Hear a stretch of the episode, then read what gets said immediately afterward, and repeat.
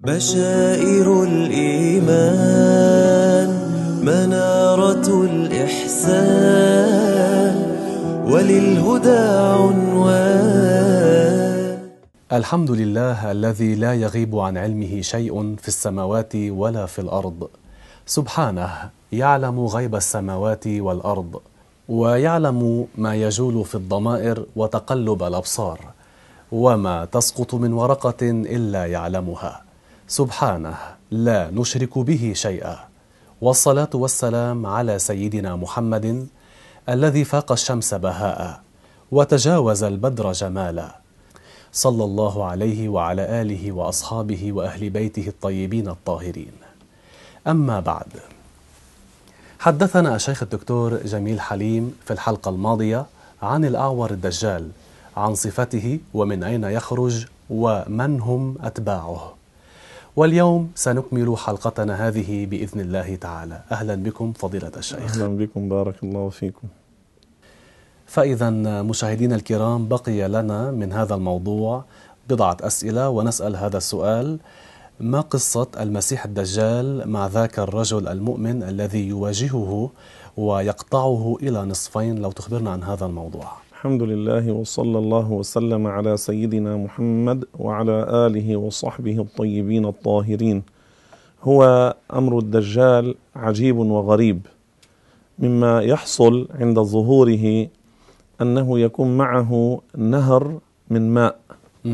هذا النهر في حقيقة أمره يكون نارا ونهر آخر يكون نارا وهو في حقيقة أمره ماء بارد لمن يلقى فيه من المؤمنين.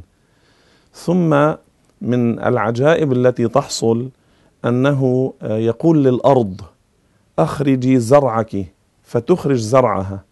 ويقول للسماء أمطري فتمطر وهنا تنبيه أن الدجال لا يخلق شيئا. نعم. إنما هذا ابتلاء من الله عز وجل لعباده. والله عالم الغيب والشهادة. الله تعالى جعل للقيامة أمور عجيبة الله يظهرها. فالله عز وجل يظهر هذه العجائب لأن الأمور تتتابع تتسارع لأن هذا يكون بين يدي القيامة بين يدي الساعة. فيحصل أنه يقول للسماء امطري فتمطر من شاء الله لهم آه، الشقاوة وكتب عليهم الشقاوة والعياذ بالله يتبعونه يفتنون به.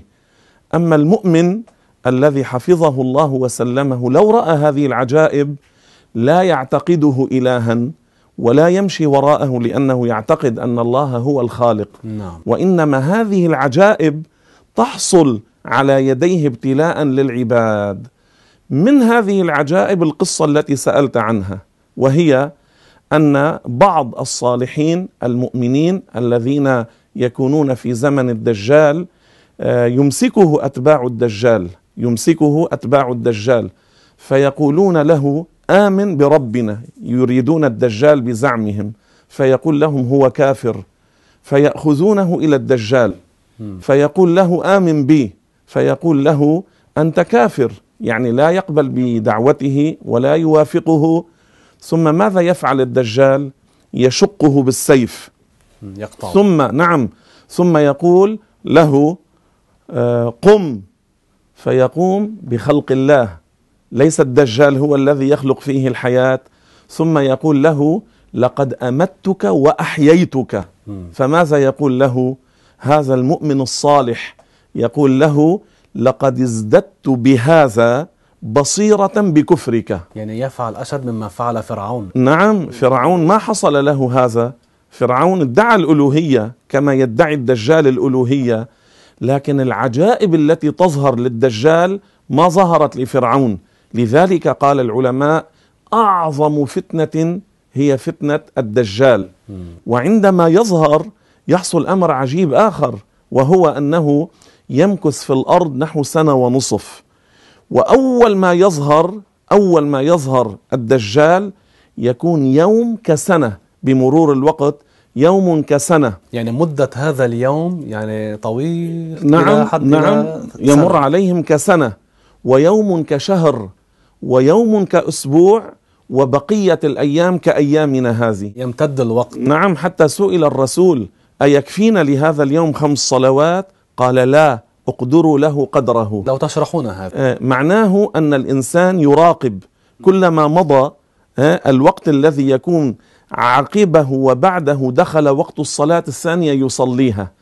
يعني لا يكتفي بخمس صلوات لكل السنة.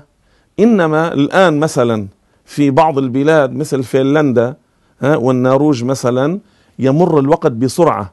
يعني العشاء والمغرب والفجر خلف بعضها. الذي يكون مستيقظا يراعي هذه المسألة. يصلي المغرب ثم بعد قليل يدخل العشاء فيصلي العشاء. وعند الصيام تلحقهم مشقة شديدة. أحيانا يدخل الفجر ومنهم بعد لم يفطر. فهذه السنة لما تمر على الناس إنما يقدرون لقدر أوقات الصلوات فيراعون هذه المسألة. وهذا شيء يعرفه من تعلم الدين والأحكام. أليس في الدنيا الآن في أيامنا يوجد بعض البلاد لا تغيب فيها الشمس لعدة أشهر؟ صحيح. إذا يصلون لا يتركون الصلاة. آه. واحيانا ماذا قال الفقهاء؟ قالوا يبني على أقرب بلد لهم فيه غروب وشروق فيصلي مع الاحتياط بالنسبة لأيامنا الآن لأن بعض البلاد يمر عليها أشهر شروق. ها أو ليل. الشمس كل الوقت موجودة. نعم ظاهرة. فهؤلاء لا يتركون الصلاة. فإذا بالعلم يعرف الإنسان كيف يقدر. يقدرون. أيوه نعم فيصلون. أما هنا في أيام العور الدجال أما. بقية هذه الأيام يوم كسنة ويوم كشهر ويوم كأسبوع في هذه الأمور يراعون هذه المسألة وبقية الأيام كأيامنا طيب هذه وعن الصيام ما كيف يصوم في حال صادف رمضان أو هم يعرفون بمرور الوقت يعرفون مرور السنة. هو لا يمر آه، عليهم مع وجود الدجال سنوات إنما سنة وشيء. يعني لابد أن يمضي. رمضان في السنة. نعم فيصومونه لا يتركونه. ويقدرون أن بدأ يعرفون، الشروق والمغرب إيه، فيصومون. هم هم بالوقت والعلامات يعرفون. فهذا الشهر الذي يمر عليهم يصومونه ولا يتركونه. إذا كان أمر الصلاة الذي هو أسرع ها، يحافظون عليها فكيف الصيام وهو مره في السنة؟ فهذا أسهل عليهم. يعني هذا اليوم الذي هو كأسبوع يعني الشمس تشرق وتأخذ وقتا يكون طويلا أسبوع. عليهم كأسبوع. حتى تغيب. نعم لكن هم يراعون مسألة الصلوات. نعم. هذا هو. بارك الله فيك. فهذه من الأمور العجيبة التي تظهر للدجال عند ظهوره. لذلك بعض الناس يفتنون به يتبعونه على الكفر والضلال. فإذا يقطع الرجل إلى نصفين ثم, ثم ماذا يقول يحصل؟ له قم. قم. فيقوم بإذن الله. يعني مثلا عندما نسمع أن امرا عجيبا حصل على يد بعض الكفار. الكفار ليس لهم كرامات نعم. وليس لهم معجزات. فهذا الذي يحصل مع الدجال ليس معجزة له وليس كرامة.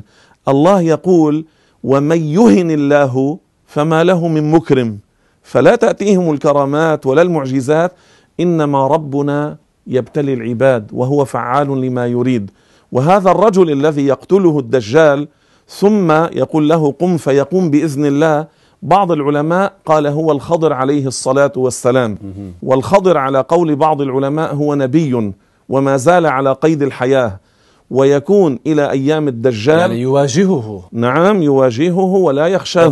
لا. يخاف منه بل يقول له في وجهه أنت كافر. نعم لا يخاف منه. فإذا نك- يعني في حياة العور الدجال نجد الخضر له دور. نعم. أين يكون المسيح؟ المسيح الذي في السماء الثانية. ما هو دوره عليه سيدنا السلام؟ عيسى المسيح عليه الصلاة والسلام النبي الرسول الذي هو الآن في السماء الثانية. نعم. بعدما يكون ظهر المهدي. ثم بعد ذلك يظهر الدجال. بعد الدجال ينزل المسيح عليه الصلاة والسلام فيصادفه أين ينزل؟ عيسى المسيح. عيسى المسيح ينزل كما ورد في الحديث في شرقي دمشق عند المنارة البيضاء. قرب المطار. وهذا المطار ليس واردا في الحديث. نعم. إنما المنارة البيضاء ورد ذكرها في الحديث وهذا من أعلام نبوة نبينا محمد أي من دلائل نبوته أنه تكلم عن منارة بيضاء نعم. قبل وجودها. هي الآن مبنية. وقبل وجودها يعني ب 1400 سنة يتكلم وما كان تلك الأيام مطار ولا كانت هذه المنارة. نعم. اليوم في شرقي دمشق يوجد المطار اليوم في أيامنا. ولهذا الم- المطار منارة بيضاء تضاء. لأجل حركة الطيران. نعم. فالرسول صلى الله عليه وسلم أخبر أن المسيح ابن مريم عليه الصلاة والسلام ينزل في شرقي دمشق عند المنارة البيضاء وهذا يكون بعد ظهور المهدي رضي الله عنه. نعم. وأما المهدي فهو ولي من الصالحين ليس نبيا هو من أبناء السيدة فاطمة وعلي رضي الله عنهما. اسمه المهدي. اسمه محمد ابن عبد الله كما ورد في حديث صحيح رواه أبو داود في سننه. والمهدي عندما يكون تهيأ للصلاة ينزل عيسى مع الملائكة. فهنا يتأخر المهدي. المهدي هنا يعرف أنه سوف ينزل المسيح نعم، من السماء نعم. وينتظر ولا يدخل في الصلاة. هكذا لأنهم يرونه. لأنهم يرونه نازلا. آه يرونه. فيتأخر المهدي ويقدم المسيح عليه الصلاة والسلام ليصلي بهم إماما. فالمسيح يأمره أن يتقدم هو. فيتقدم المهدي. وهنا حكمة. هنا إشارة لمسألة مهمة. يعني الم- المسيح يطلب من المهدي أن يقف الإمامة في الصلاة. نعم. وهنا يكون ولي أما نبيا في الصلاة. هذه الحكمة ليفهم من ذلك أن المسيح عليه الصلاة والسلام نزل ليعمل بشريعة محمد ويدعو إلى شريعة محمد لذلك هو يصلي خلف المهدي. لكن بعد تلك الصلاة المسيح هو الذي يؤمهم في الصلاة. طيب كيف يعيش المسيح عليه السلام في الأرض؟ يعني بعد عاش في السماء كيف عاش في السماء؟ كيف يعيش في الأرض؟ في السماء أمر عجيب أمر خارق. لأنه بين الملائكة. نعم. الله يغنيه عن ما يحتاجه الناس في الأرض. الله يغنيه. الملائكة اليسوا أحياء؟ بلى. بلى. وفيهم أرواح. بلى. لكنهم لا يحتاجون لما يحتاجه الإنسان. صحيح. فربنا الذي أعطى هذا للملائكة قادر أن يعطي ذلك للمسيح وهو في السماء. لكن لما ينزل إلى الأرض يصير كالناس من حيث الطعام والشراب ثم يمكث في الأرض ويتزوج ويصير له أولاد ثم لما يموت يدفن في المدينة المنورة. مم، يدفن في حجرة النبي صلى الله عليه وسلم. يعني إلى قرب قرب جسد النبي نعم يدفن. نعم يكون قريبا جدا من قبر الرسول. في الحجرة النبوية يدفن عيسى المسيح. يعني يعني النبي محمد مدفون ويدفن إلى جانبه عيسى المسيح. عليه الصلاة والسلام في الجهة الفارغة الآن. نعم. أما التي خلف كتفي النبي أبو بكر ثم عمر. نعم. في الجهة الثانية يدفن عيسى المسيح عليه الصلاة والسلام. نفعنا الله بهم جميعا. آمين وجمعنا بهم. آه، ثم المسيح عليه الصلاة والسلام لما ينزل إلى الأرض يصادف الدجال في بيت المقدس. في فلسطين. نعم في فلسطين. ردها الله للمسلمين. آمين. ولطف بأهلها وفرج عنهم. آمين. فماذا يفعل المسيح عليه السلام؟ يقتل الدجال. الله يمكنه فيقتل الأعور الدجال في فلسطين في قرية يقال لها اللد. في هذه القرية عيسى المسيح يقتل الأعور الدجال ويخلص الله تعالى الناس من شره. طيب أين يكون المهدي في هذه الأثناء؟ يعني الم- ال- المسيح يقتل الأعور الدجال. المهدي ماذا يكون دوره في تلك الأثناء؟ المهدي لما يظهر الله تعالى يهيئ له الأسباب. طيب كيف والمهدي يعني؟ المهدي عليه السلام يجب الاعتقاد والتصديق بظهوره لأن من الناس الدجاجلة ينكرون ذلك. بعض الدجاجلة. يقولون لا وجود للمهدي. وفي هذه الأيام القريبة طلع واحد من مصر أيضا ينكر وجود المهدي. وبعض المشبهة المجسمة ألفوا في إنكار وجود المهدي. آه إلى هذا الحد نعم ألفوا في ذلك ال- الرسائل مع أن حديث ظهور المهدي صحيح وحسنه الترمذي ورواه أبو داود رواه أبو داود. فيجب الإيمان والاعتقاد الجازم بظهور المهدي. ثم المهدي رضي الله عنه أول ما يظهر الله تعالى يؤيده بملك. ملك ينادي يقول هذا خليفة الله المهدي فاتبعوه. هذا الصوت يصل إلى حيث شاء الله ويسمعه كل من شاء الله له أن يسمع هذا الصوت. باللغة العربية. نعم هذا الملك لكن غير العرب الله يسمعهم هذا الصوت ويفهمونه. حتى غير العرب. الحاصل أن هذا أمر عجيب تأييد من الله. ملك ها ينادي في تأييد المهدي ليتبع الناس هذا الرجل الولي الصالح ويكون معه ألف من الملائكة ها، يعاونونه بإذن الله تعالى. ثم يخرج من المدينة. المهدي يخرج من المدينة. يخرج يعني يخرج للقتال أم يخرج للدعوة؟ لأجل الظهور. يعني يعلن هو عن نفسه. هو يكون في الأصل في المدينة من أهل المدينة. يخرج من المدينة يذهب إلى مكة. في مكة يكون الظهور فينتشر الخبر.